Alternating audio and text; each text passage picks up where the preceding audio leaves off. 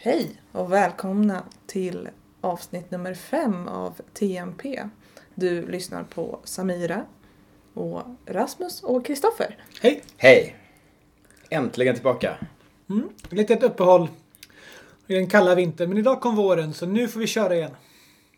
Yes. Och vi har ett eh, späckat program idag. Men vi ska försöka hålla oss till ämnet lite mer och vi ska spela lite längre musiksnuttar. Högt efterfrågat och vi ser fram emot att spela dessa fantastiska godbitar från nu och dåtidens musikscen. Men eh, vi ska börja i en annan ände och eh, det är det ofria ordet. Ja, det kan man säga. Det är ju eh, hela det här teknopolitiska spektrat som vi gillar att uppehålla oss i. Det är ju, har ju under den här vintern blivit mer och mer närvarande i det dagliga nyhetsflödet och i storpolitiken får man väl säga. Allra senaste eh, nu det är ju avslöjandena om eh, vad företaget Cambridge Analytica fick ut för info i Facebook och hur de har använts. Det är liksom bara en i raden av alla eh, skandalösa saker som kommer fram. Men det man kan säga är väl att allting pekar emot att vi går mot att de här nätjättarna, alltså kommunikationsgiganterna, man säga, kommer att bli mycket mer hårt politiskt reglerade. Och att det, är liksom, det finns egentligen ingen som kan säga exakt vilken riktning det kommer att peka, men det är svårt också att se en annan väg. Eller förstår ni vad jag menar? Ja, idag sa Mark Zuckerberg att han är öppen för att statlig reglering av hur sociala medier får användas. Vi har ju redan statlig reglering i princip av hur sociala medier får användas. Jo, men det handlar också om vilken stat som får initiativet. Så det man kan se nu är ju att både i Bryssel och i London och i Washington så eh, rustar sig myndigheterna för att göra mycket, mycket mer ingående ingrepp i hur sådana här kommunikationstjänster funkar. Ja, så då har vi eh, kanske två eller tre aspekter. Den ena aspekten är vad får man publicera? Eh, den andra aspekten är vad får vi som användare läsa om andra användare? Och den tredje aspekten är vad får myndigheter läsa om användarna? Mm. Mm. Eh, så om vi, om vi börjar med det här med publicering eh, så har det eller ja, vi kan börja med, med Analytica i och för sig. Analytica hade under 2014 möjlighet att läsa ganska mycket ur det så kallade Facebook API. Det var ett eh, graforienterat API där man kunde läsa detaljer om enskilda konton om det var så att de hade använt en så kallad Facebook-app. Som man hade fyllt i ett formulär hos Facebook. Där man till exempel pratade om vilken färg man gillade och därför fick reda på vilken kändis man var lik kunde eh, då läsa mer om det kontot som hade fyllt i uppgifterna men också då läsa vad den personens vänner eh, hade för uppgifter mm. i en viss grad. Och det var ju bara eh, några år sedan som eh, det kom lite små varningstecken om att ja, men tänk på vilka appar som ni lägger till och vilken data de samlar in och vilka det ges ut till.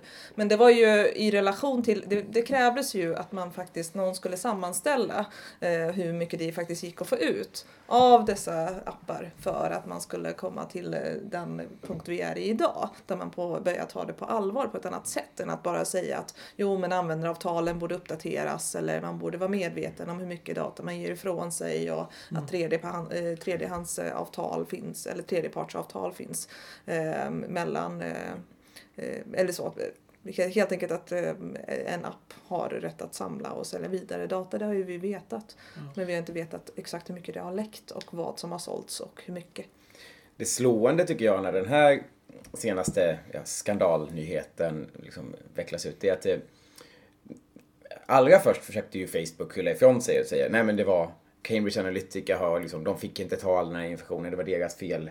Men det gick ju, det, där var ju Facebook tvungna att backa väldigt snart för alla inser att nej men det, alltså, det har ju ändå skett, kommit till den insikten nu, mm. fattar jag, att alla inser att det här är inte liksom bara några yttre aktörer hur de missbrukar tjänster utan det här är faktiskt så som Facebook är designat. Det är ju designat i detta syfte. Och det är inte heller en fråga om enskilda individers liksom, eh, personliga integritet och så här, utan nu är det ju en fråga, så som det diskuteras nu så är det ju en fråga om säkerhetspolitik, om liksom hur samhället som sådant hålls samman. Nästan. Mm. Jo men det, det blir ju nödvändigtvis så när jag tänker att nu finns ju ett dataförslag om att eh, dat, eh, grovt dataintrång på um, samhällsviktiga tjänster, eh, till exempel Skatteverket, ska bli ett terrorklassat brott. Mm. Och det är ju en ände man börjar i när det handlar om statlig insamling eller förvaltning av persondata. Men man har inte riktigt uppmärksammat Privat, företagens ja. liksom, privat insamling och förvaltning av data på den här, till, till den här graden. Utan det är ju som du säger att diskussionen har handlat om att jag ska som eh, individ kunna ha min personliga integritet intakt och jag ska kunna välja och eh, på något sätt som att det skulle gå att ha kontroll som individ över vilken data man faktiskt ger ifrån sig eller delar och att det ligger ett personligt ansvar. Men nu handlar det istället om ett uppifrån och ner mass eh, insamling. Och då blir det ju en politisk fråga på ett annat sätt. Och jag ska säga så här, man kan ju mycket väl vara en person som inte bryr sig om sin personliga integritet. Jag kanske, låt säga jag kanske bara vill, jag jag är helt okej med att slänga ut all den informationen. Jag kan ju, fort, jag kan ju fortfarande ha rimliga invändningar mot hur den används eller vad, vad liksom Facebook designar för produkter. Alltså det här att liksom, ja men så som, om man ska annonsera på Facebook med en riktad, till en riktad målgrupp, då gör, då ett, ett av de vanliga sätten är att man, man, redan, man har redan ett eh, personregister som man har fixat på något sätt med namn och e-postadresser. Så laddar man upp det till Facebook och sen så skickar Facebook detta till personer som är liknande. Liksom. Bara det är ju så här, ett typiskt, typiskt exempel på en av de säga, reklamprodukter som nu nog kommer bli politiskt reglerade på ett helt annat sätt. Och det betyder ju inte att de kommer förbjudas sådär. Det är inte, jag tror inte att den här, alltså, den, regleringen av Facebook, Google och liknande som absolut är på väg, den kan jag tror man kan se det som att den bäddas in, de bäddas in i staten i högre grad än tidigare. De kommer fortfarande få göra allt de gör, men de kommer göra det mm, under inblandning av, av eh, statliga organ. För då kommer vi in på den tredje punkten av, av kontroller och det är kontroller av vad myndigheter kan utläsa eh, av, ett, av Facebooks eh, interface. Där man till exempel från Facebooks sida har sagt att privata meddelanden lämnas till polisen Eh, mot, eh, mot att det finns en form av eh, protokoll eller någonting från ett, något rättsväsende som, som understryker att det här måste göras beroende på vilket land och vilket reglemente. Eh, och det här eh, är ju någonting som Facebook faktiskt tjänar pengar på. Det är ett interface man säljer gentemot myndigheten och säger att vill du söka i och ta reda på mer om den här politiska grupperingen eller det här sociala nätet, hur de fungerar, vilka de är, så kostar det någonting. Därför att, att ta fram informationen kostar oss. Nu är det så att det här har man ju mellanskillnad där man också gör vinst. Det gör alla som ägnar sig åt det som kallas för legal intercept, alltså laglig avlyssning. Så vad man vill göra som kommunikationsföretag är att positionera sig själv centralt, så, så centralt som möjligt mellan människors kommunikation. Förmedla information mellan dem och sen sälja information om vilka de är. Eh, oavsett vilken leverantör vi pratar om. Och det Facebook har blivit det, det svarta fåret även om det är totalt välförtjänt. Mm. Och den, den slutliga kontrollmekanismen handlar ju om, om, om censuren av det fria ordet och det är vad händer när myndigheten får kontroll över vem som får publicera vad. Vad är ens det fria ordet? Förlåt om jag är djävulens advokat där, men jag, jag, jag upplever nästan att vi har hamnat i en situation med så mycket paranoia, så mycket osäkerhet, så mycket propagandaoperationer som använder botnät och, och så vidare. Liksom. Att det är svårt att prata om det fria ordet. Att det är liksom, jag vet inte, det, det är som man skulle säga så här, den fria maten. Och att det skulle betyda på samma gång att man får äta allt man ser och att man får förgifta all mat man ser. Typ. Förstår ni vad jag menar? Ja. Ja. Men det kan ju vara så att vi fortfarande lever i den gamla föreställningsbilden av att vi har å ena sidan offentliga arenor där liksom alla ska få komma till tals och där det inte får vara allt för vinklad rapportering eller man får inte ge företräde åt en viss grupp att höras mer än den andra. Och så å andra sidan så har vi de privata och då är det egentligen upp till den privata aktören att bestämma vem som får komma till tals och inte. Och ju mer de sammanblandas desto mer blir det ju en kamp om att få få synas och höras i dessa semi-privata, semi-offentliga arenor. Är det offentligt eller privat? Om det är en myndighet som ska reglera vad som får annonseras eller eh, liksom postas på till exempel Facebook eller inte. Är det censur eller är det liksom Facebooks rätt att tillsammans med någon typ av statlig reglering att, eh, där man måste följa lagar att faktiskt ja, ge utrymme åt vad de ens vill eh, ge utrymme till och vad som det går att tjäna mest pengar på. Det blir ju, det, alla, alla i, tidigare idéer om vad företräde fritt eh, censur eller tillåten eller förbjudet blir, blir ju annorlunda. Och det är klart att när vi har massarenor på nätet som vi har så som Facebook är eller kanske kommer att ha varit inom en viss framtid så kommer ju folk att slåss om att och säga att det är en demokratisk rättighet att få posta på Facebook på ett sätt. Mm. Eh, och det, det blir ju bisarrt. Det blir ju bisarrt för att man då eh, ja men eh, å ena sidan inbillar sig att eh, offentligheten funkar så som den har funkat innan där det finns någon typ av där det finns en vilja till att alla ska få höras och det ska vara liksom mångsidigt och det ska vara en fri eller någon typ av öppen arena för någon typ av allmänhet. Mm. Ehm, och eh, å andra sidan att, eh, att man inte ska överprivatisera ett redan privat utrymme. Liksom. Det blir en spänningspunkt däremellan. För, för att svara på frågan om vad det, vad det fria ordet är så måste man svara på frågan vem det är som man får utge sig för att vara när man publicerar. Så att till exempel vid, eh, vid något för några år sedan så ändrades avtalet hos Facebook eh, och de hävdar att man inte längre fick eh, ha, eh, använda ett falskt namn vid publicering. Och det är ett exempel på en nivå på ett fritt ord där man kan säga att jag representerar en organisation med det här namnet eller jag är den här personen. Och numera så kan man väl vara en privatperson på Facebook men man kan också ha en gruppering registrerad. Förstår jag det som. Jag har inte Facebook själv men. Mm. Eh, och sen så kan man ju då skriva i användaravtalet, och det här går ju att lagstadga, att ett användaravtal för en tjänst som tillhandahåller informationspublicering bara får representera personer med deras eget namn, till exempel, skulle man kunna säga.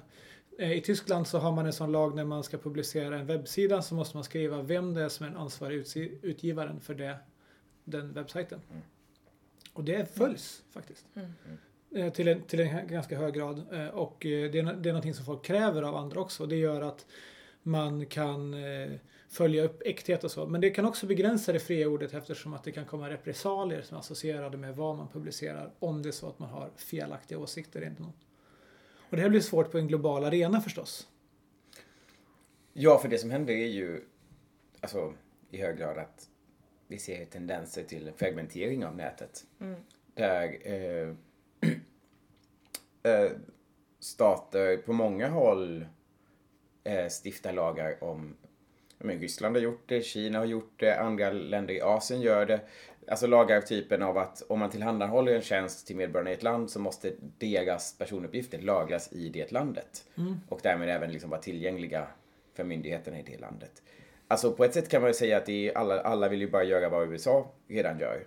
Men eh, vart, det, vart, det, vart en sån dynamik landar är ju svårt att säga det kan vara fragmentering i, mm. i flera olika nät så att säga. Mm. Det blir ju extra fragilt eller vad man ska säga. Det ska bli extra skört eftersom vi pratar om en eh, arena som bygger så himla mycket på tillfälligheter och vad som, alltså såklart har stiftade lagar kring vad som gäller eller inte om vad någonting är ett brott mot någon typ av eh, samhällslag eller vi kan kalla det communityregler i Facebook liksom ord eh, ska på något sätt vara, det ska gå till rättegång och det finns prejudicerande fall och vi har liksom en, ett lagrum som är någorlunda inrutat. Men här blir det ju eh, ett eh, semikommersiellt medialt utrymme som gör att ja men eh, det beror på hur många som anmäler det här inlägget eller det beror på liksom det, det blir väldigt mycket mer flyktigt mm. vad som faktiskt anses vara ett brott mm. eller inte mm. eh, för stunden och det beror helt och hållet på hur mycket uppmärksamhet det får även i andra medier eh, och så vidare. Så att det, det blir väldigt tillfälligt helt enkelt vad som anses vara otillåtet eller inte för nu. Är det känsligt just nu på grund av det geopolitiska läget att lägga upp Österland-bild? Har det varit det för två år sedan eller inte? Det där varierar. Om ett halvår igen så kanske det inte är någon big deal.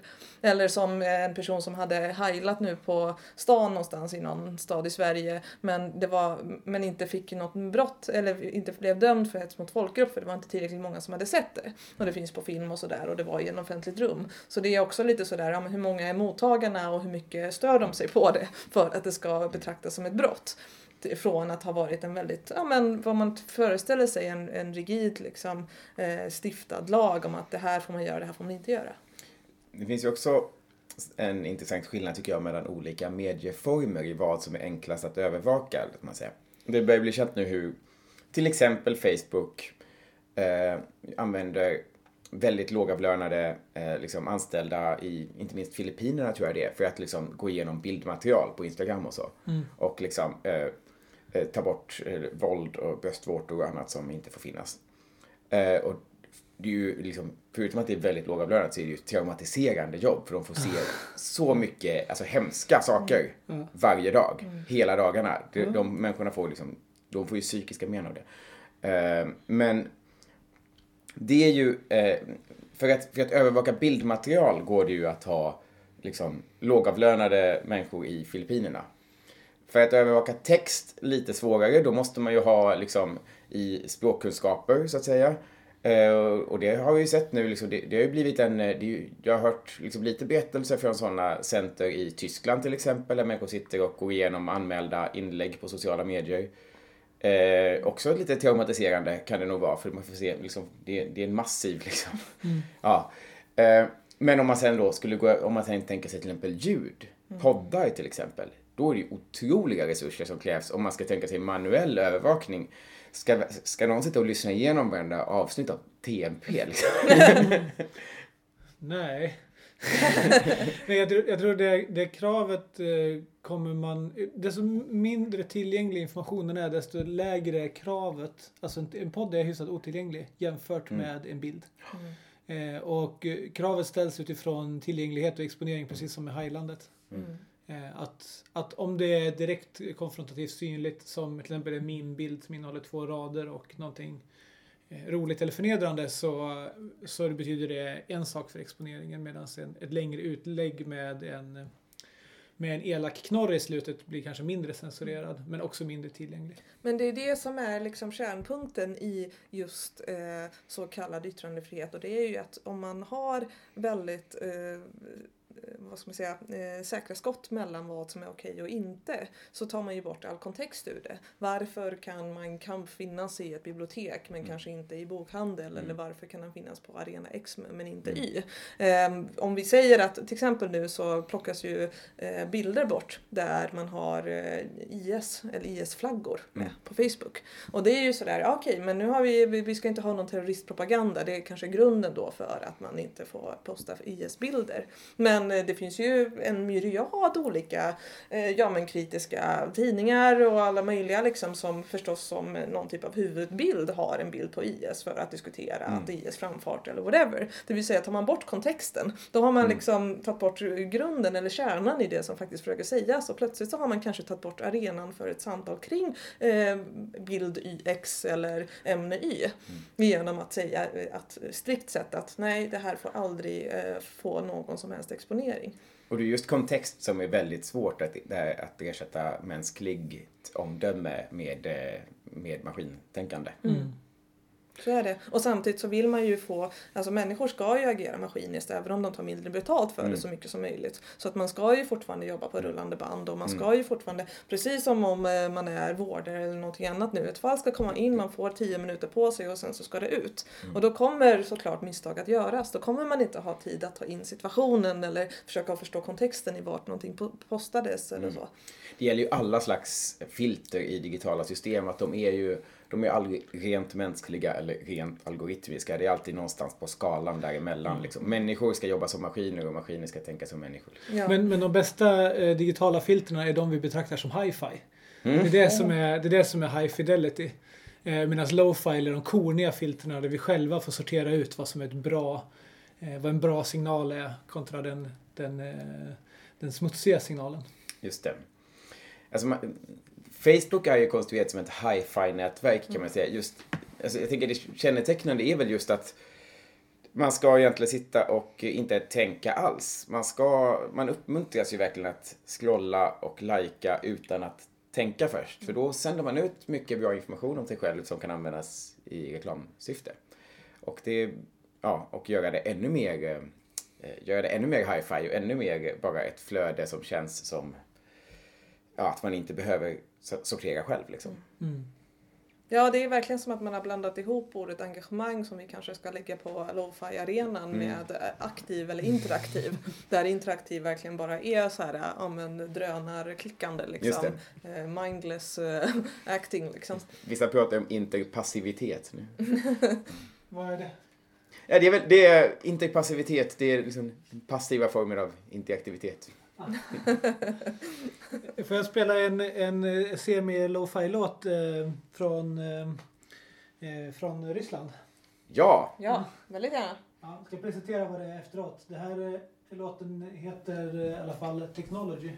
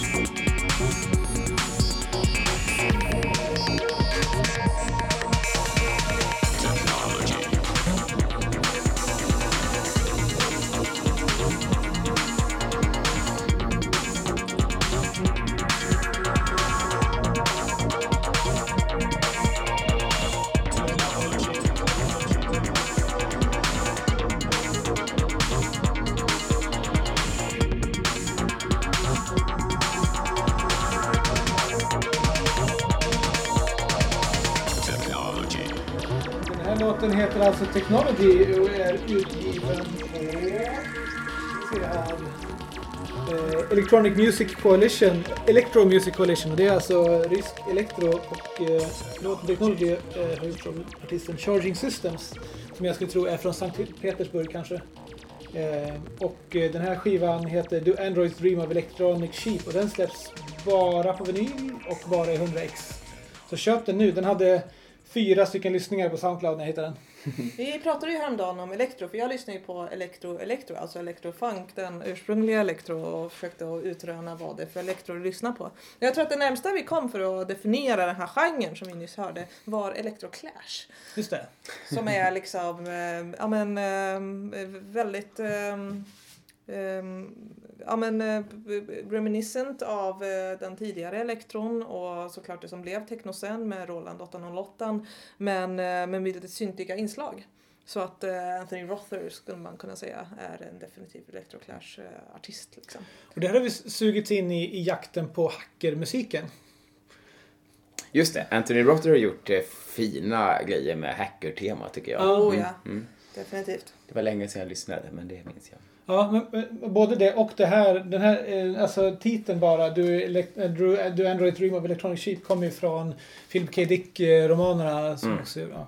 Och andra titelspår på samma skiva eh, var typ Spook Country till exempel från eh, Neonside som är också titeln på en William Gibson-roman. Eh, som ju myntade begreppet cyberspace.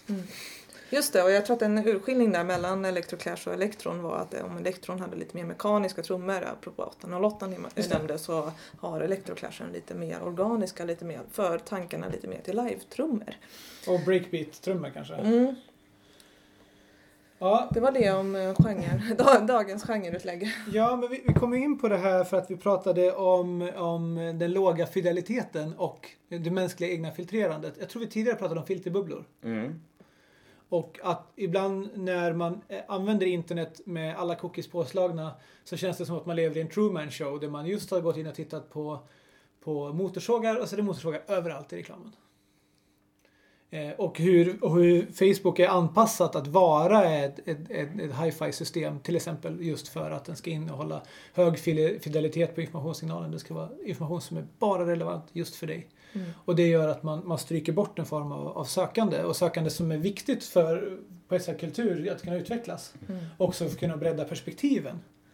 Där man, där man kanske får se saker som man inte var helt bekväm med eller höra saker som man inte var helt bekväm med.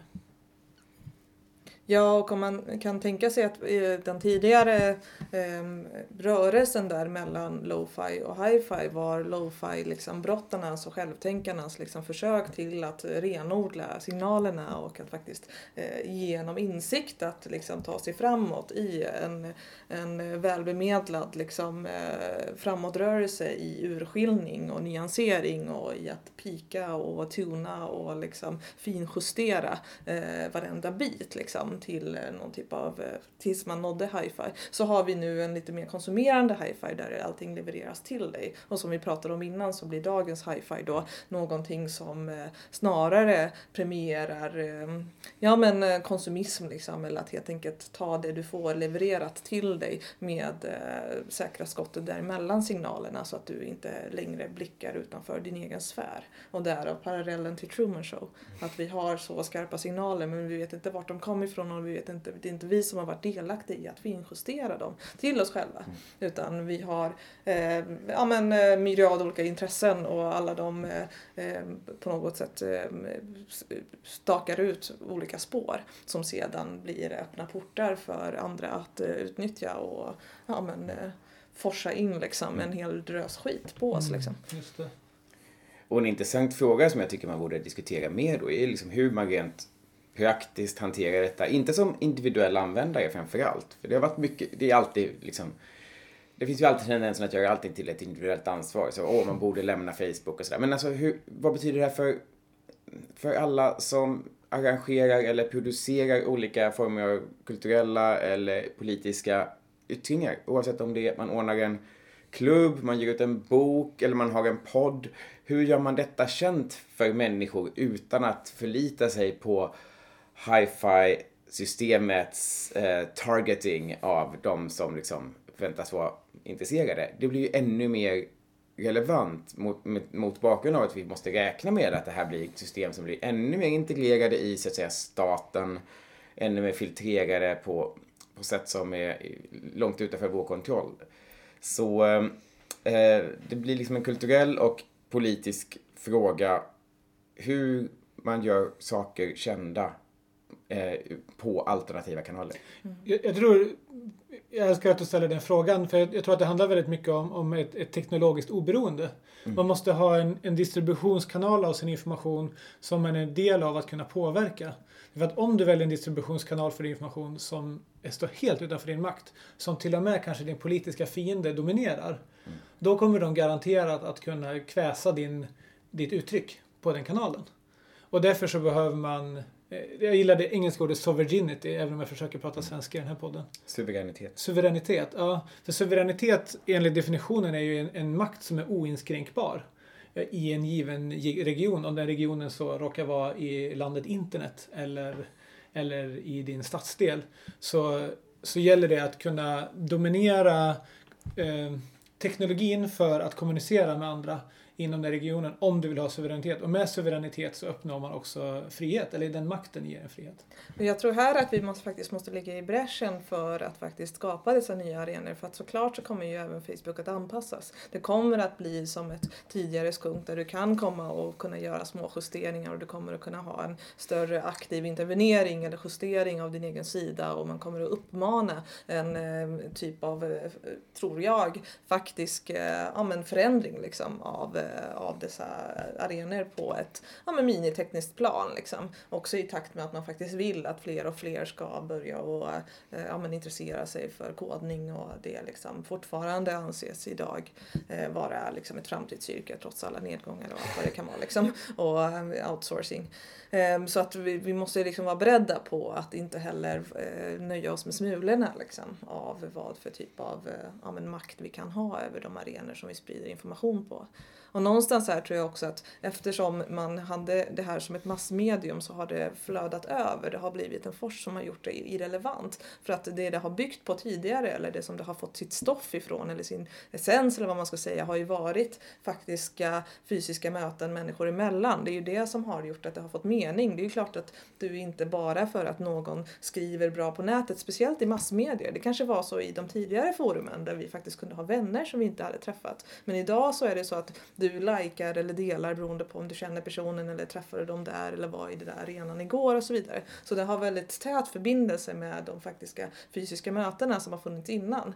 Ehm, och nu har det blivit för stort och för mycket. Så det går liksom inte att, eh, det har blivit en sluten cirkel som inte går att koppla tillbaka in till de möten som faktiskt folk har i, i sin vardag och i de fysiska rum där de träffas. Och det gör ju att de fysiska rummens betydelse kan återta sin roll och inte enbart bli någon typ av bihang till eller förstärkare av dessa massmedier. Utan att istället få bli ja, men rum i sin egna rätt så att säga. Utan att behöva ha det här påhang av att det hände inte om det inte togs en bild av det eller delades och så vidare. Ja, jag har ju undgjort mig tidigare på, på självfotografering Eh, i, i det allmänna rummet eller för speciella tillfällen och sådär. Och det är väl ett sätt att återknyta till, till internetmassmediet så här, och säga att jag var där och genom att jag var där så kom ihåg mig och lär känna mig eller se mig som en person som är anknuten till det här rummet på något sätt. Och, och, och jag har verkligen inte när jag sagt det menat att säga att de här personerna är dåliga därför att det här är väl för många människor absolut nödvändigt för att få den bekräftelsen som krävs för att vara en, en konsumerande människa. Liksom. Och det låter jättenedlåtande. Ja, det gör det. Ja. men, men, men det måste man. Eh, det måste man om man vill vara en del av ett socialt sammanhang. Mm. Ja men det handlar ju, eh, alltså absolut socialt sammanhang men det handlar ju också om tidsdisponering. Att är det så att vi ska försöka hinna ikapp på något sätt massmediernas förmåga att göra att man kan ha kontakt med hundra personer samtidigt så måste man upprätthålla det och upprätthålla de här sociala relationerna genom att fortsätta och posta en bild på sig själv så att man andra får följa att de hänger med i ens liv och man får känna att man hänger med i andras liv. Och det är svårt att ha så många saker i huvudet eller hålla så många relationer aktiva samtidigt. För att inte tala om att det också är en ekonomi bakom att vi har sammanblandat eh, denna, eh, ja men vad ska man säga, förändring av hur sociala relationer har konstituerats eller på vilket sätt de faktiskt, eh, ja men man håller kontakten så att säga till att handla om, eh, ja men är det så att du försöker sälja dig själv? Och det är här hela den personliga varumärke, eh, ja men vänsterns kritik av personliga varumärken kommer in. Att man har liksom börjat betrakta eh, detta självfotande eller självdelande av det man skriver själv eller vad det nu kan ha att göra med som att man eh, har sålt ut sig på olika sätt. Liksom. Mm. Och det, det, har varit en väldigt tunn linje där mellan ifall det handlar om att få ut en politisk linje eller handlar det om att få ut en kultur eller handlar det om att få ut din egna, liksom, mm. eh, din, eh, ja, men få en framfart i din egen karriär. Och det är, när, när, inte, eh, när, när det, detta är så pass nytt som det är så är det inte konstigt att den typen av förvirringar sker. Liksom. Att man inte riktigt har klart för sig eh, vad är syftet med det här, varför gör du det, eh, vad är, eh, vart går linjen mellan personlig bekräftelsebehov eller vilja att nå ut och en vilja att eh, nå fram och klättra så att säga. Men jag tror inte man ska underskatta det personliga bekräftelsebehovet. Det är viktigt och alla människor har det. Liksom. det kan, inte, kan inte förneka att vi faktiskt vill bli sedda eller så.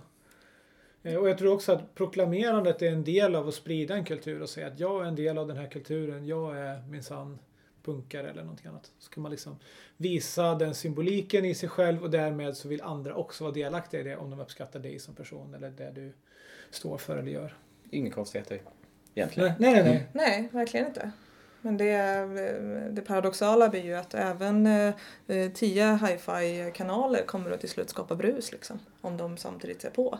Så att du kan Oh ja. inte eh, Ja, du kan liksom inte dra på hur mycket hi-fi och liksom urskilda signaler som helst och tro att det går för oss att hålla alla dessa saker i huvudet samtidigt. Utan till slut blir det bara en gröt av det. Och jag tror att det är en av anledningarna till att det, det har börjat att droppa folk från Facebook. Jag har också upplevt det såna, som att sen, jag vet inte om det har med Facebook att göra, men sen, sen sociala medier så har subkulturer också minskat. Alltså proklamerande subkulturer. Att det finns färre personer som är ja, hiphoppare, syntare, hårdrockare. Vad det nu finns. Eh, men mer kanske, men mer kanske fankulturer som kanske associerar. Det finns ju en väldigt stark fankultur runt eh, japansk tecknad film och sådär. Eh, Som är, som är tydligt definierbar och går att ta på på grund av att det finns en distributionskanal av informationen genom till exempel Youtube och, och så. Men det gör inte riktigt det för, för de här tidigare nämnda lite äldre kulturerna. Ja, men kommer man gå tillbaka till de eh, mer lo-fi forumen då? Kommer vi få ett nytt eh, helgon liksom? Ja, vad kommer hända om, om Soundcloud eh, faller bort? Vilket ju fortsätter vara en överhängande möjlighet i och med att Soundcloud inte går ihop liksom ekonomiskt. Eh, Soundcloud är ju ändå relativt hi-fi. Jag tycker det är... Jag känner mig bekväm med deras rekommendationer. Eh, som ett av flera sätt för mig att navigera i musik tycker jag att det är väldigt bra. Jag använder ju själv inte Spotify till exempel. Jag lyssnar på MP3-kassetter och sen så har jag liksom lite Soundcloud på det. Där trivs jag jättebra med lite hi-fi rekommendationssystem. Jag vill inte sitta och döma ut det liksom.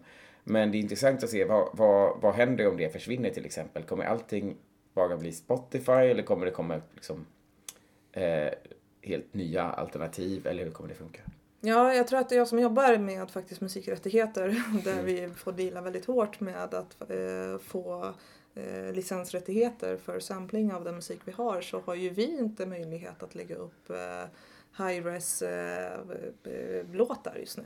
Utan eh, vi begränsas av våra licensavtal och ja, men avtal med skivbolagen om att lägga upp eh, ja, men, eh, brusig musik. Liksom. Men det tror jag kommer att ändras för jag tror att ju mer, ja, alltså att eh, man börjar att förstå att eh, masspridning och att försöka att ta betalt av en och samma fil 10 000 gånger är liksom inte vägen framåt och jag tror att eh, artisternas återtagande av att faktiskt eh, få ut någonting så att säga av att musiken sprids och att faktiskt spela i fysiska rum och att turnera och det som är deras faktiska ja, men, stoff till inspiration, motivation och inkomst kommer att eh, ja, men slå ut de större eh, skivbolagens vilja till eh, att försvara copyright på andras liksom, skapade verk så att säga. Och det, det är intressant att tala om utgivning för att utöver eh, jag menar på Youtube så varierar ju kvaliteten på musiken extremt mycket och istället så finns det en extrem bredd men det är ju inte en musiktjänst som går att använda i vardagen på det sättet även om jag insisterar på att göra det. Så utan Soundcloud och, och Spotify så är det svårt för folk att, eh, att, att hitta high-res musik om man inte igen börjar att prata om lagringsutrymme och har delade hubbar helt enkelt. Där vi gemensamt säger att vi är ett kompisgäng som eh, ja, men delar musik och lyssnar på det därigenom. Liksom. Och då får vi inte den här stora källan till allt man vill ha. Utan då får vi istället personliga rekommendationer och vi får istället en faktisk koppling till det vi lyssnar på. Ja, men på tal om, om rättigheter och vilken musik som får spridas på vilka kanaler och så, så hittade jag nyligen en producent som gjorde en, tycker jag, väldigt attraktiv kombination av eh, G-funk, alltså hiphop och eh, house med mera. Eh, och den noterar jag att den finns ju till exempel inte tillgänglig på Spotify, för det är ju liksom edits. De, de är ju inte tillåtna. Det är illegal musik, kort sagt. Den finns på YouTube, den finns på Soundcloud och man kan köpa den på, på Bandcamp. Jag köpte kassetten, den kom aldrig. Eller det har gått flera månader. Jag skrev och tjatade en gång. De bara, ja men den kommer snart. Ja, ja, eh, de, de hastlar mig. Men jag tycker här var ändå ganska fet musik. Jag tycker ändå vi kan spela den. Det är low-fi.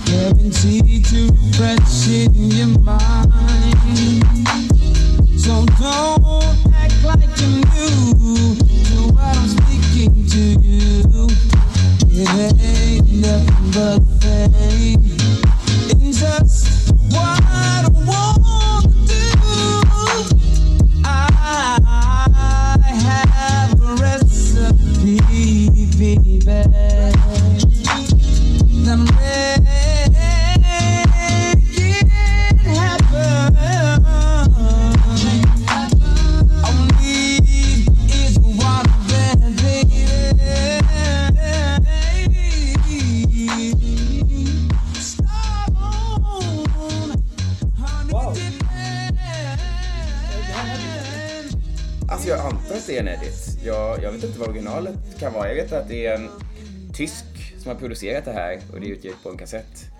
Stört, eller Stert om det är tyska. Vad vet jag.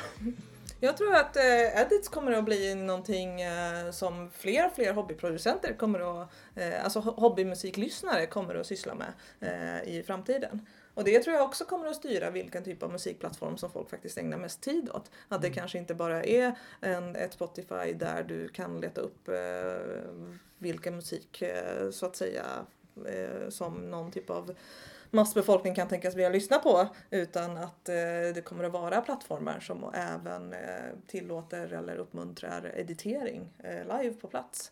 Och det hoppas jag faktiskt att eh, mitt jobb ska vara en del av. Eh, det har vi diskuterat. Att just nu så har vi eh, en musiktjänst för större och aktiva producenter där de till en mindre peng ska kunna och sampla eh, musik.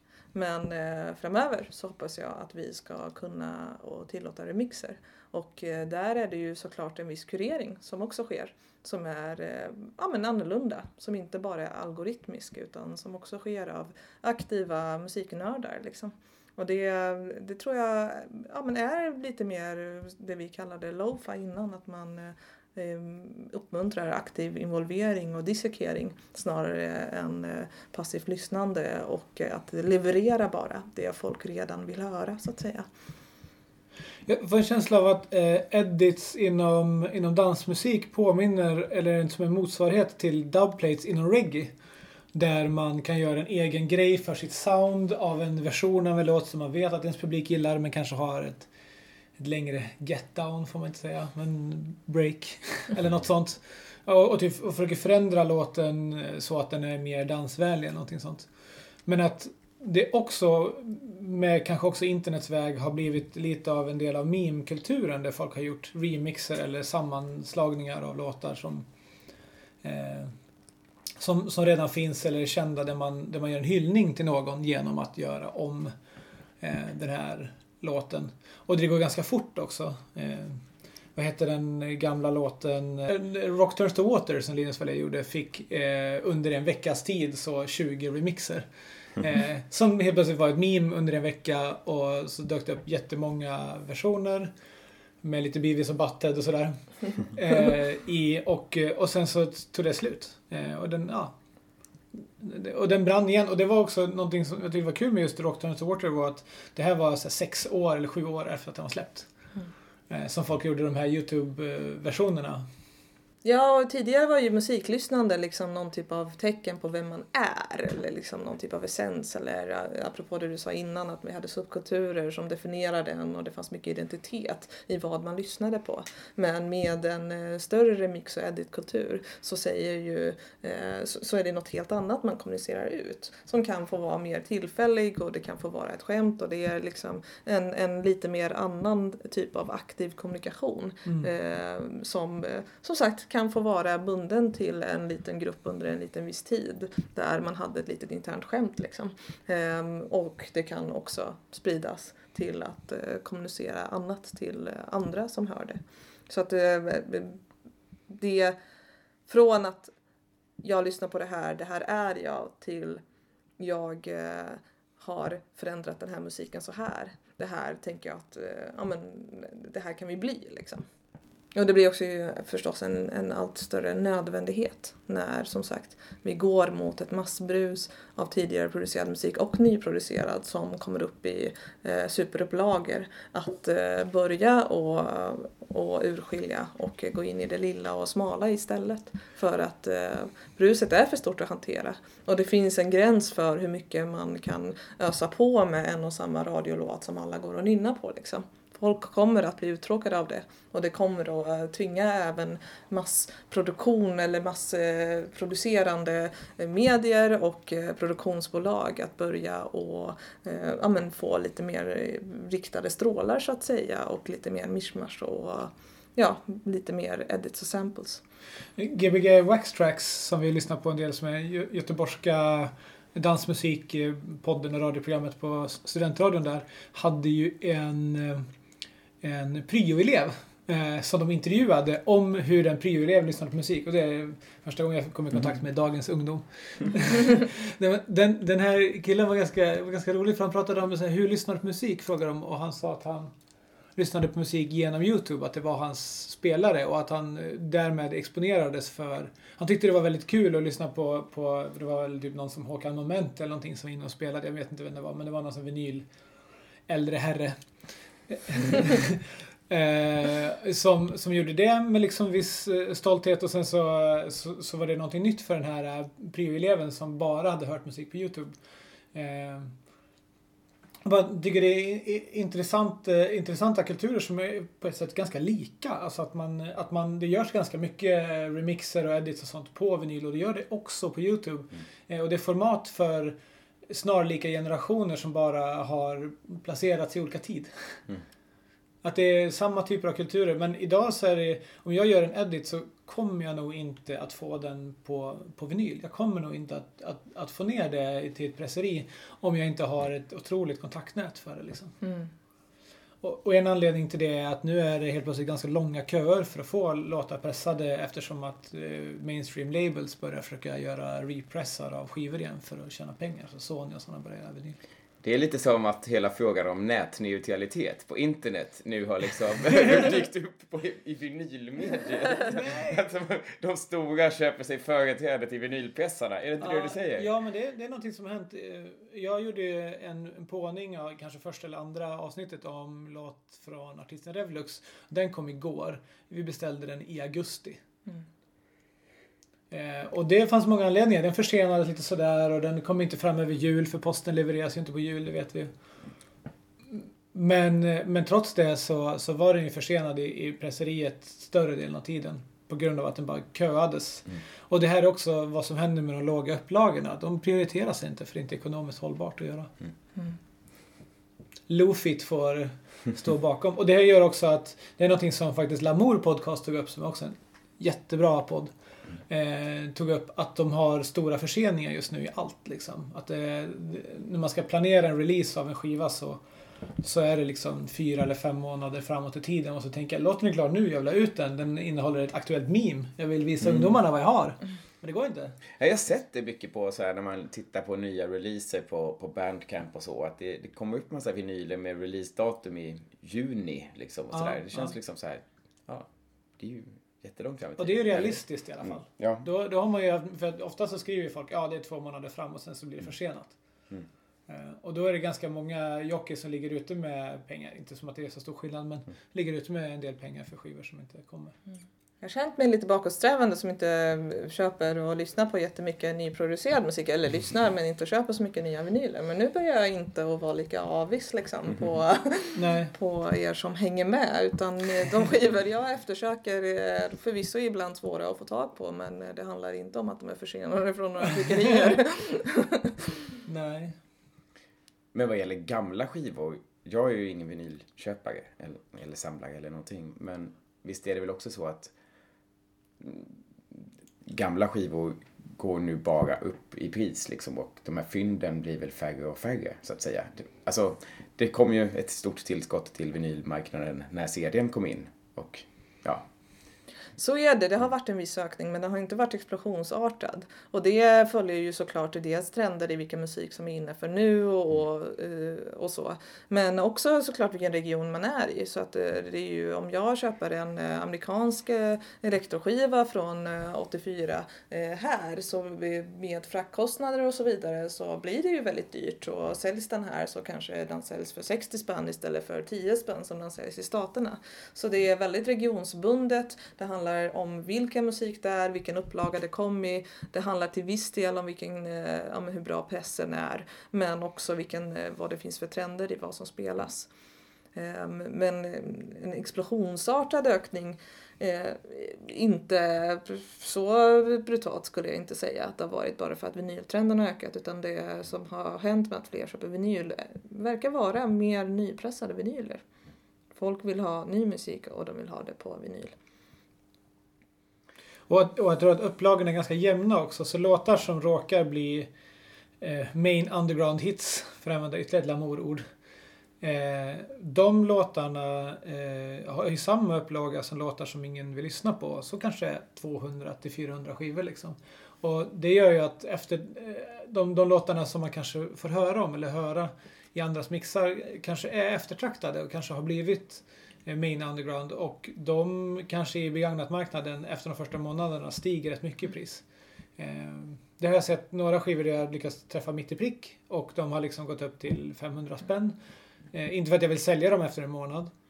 Men samtidigt så är det skivor som jag köper också som bara går rakt motsatta vägen och kostar 20 spänn för alltid. Jag tror att det här också kan komma att påverkas om ifall det som jag var inne på innan att fler och fler kommer att börja göra edits och så.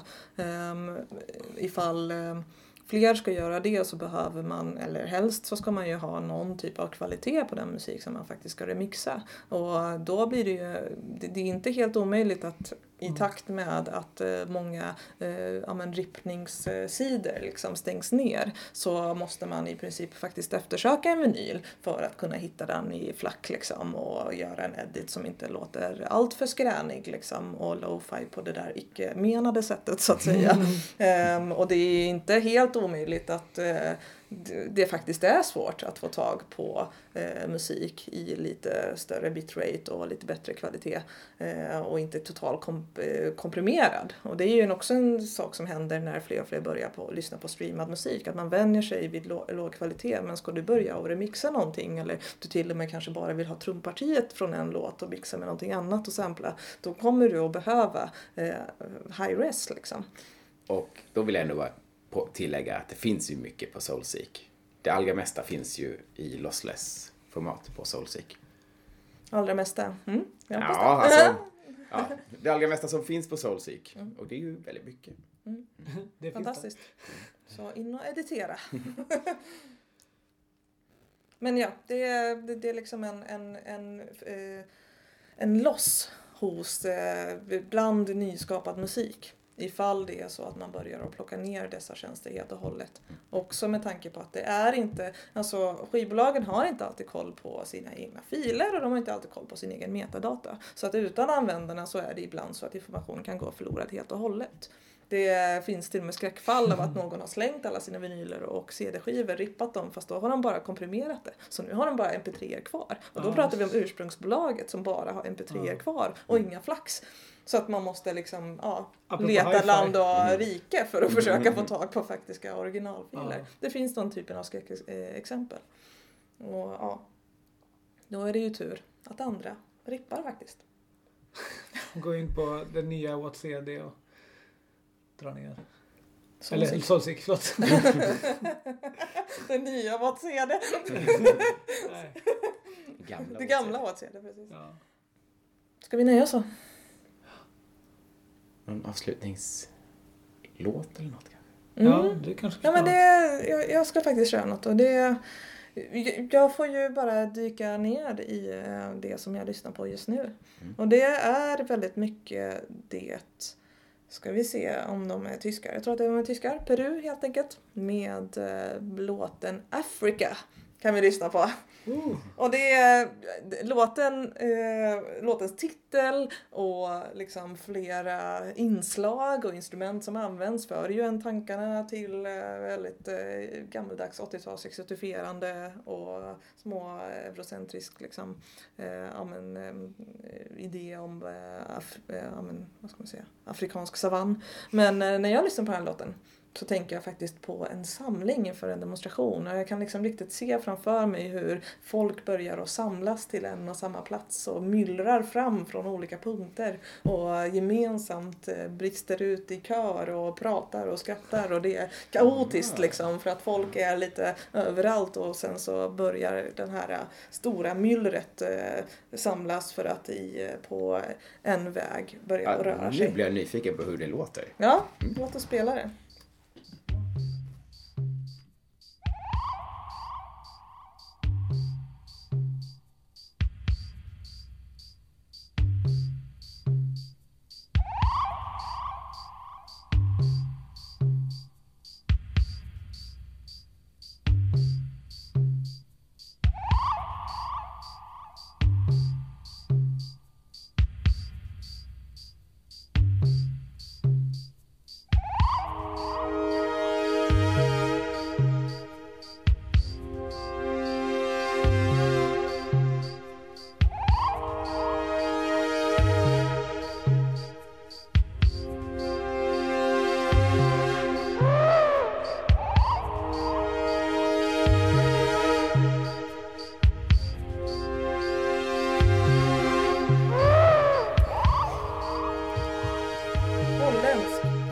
棒，做的。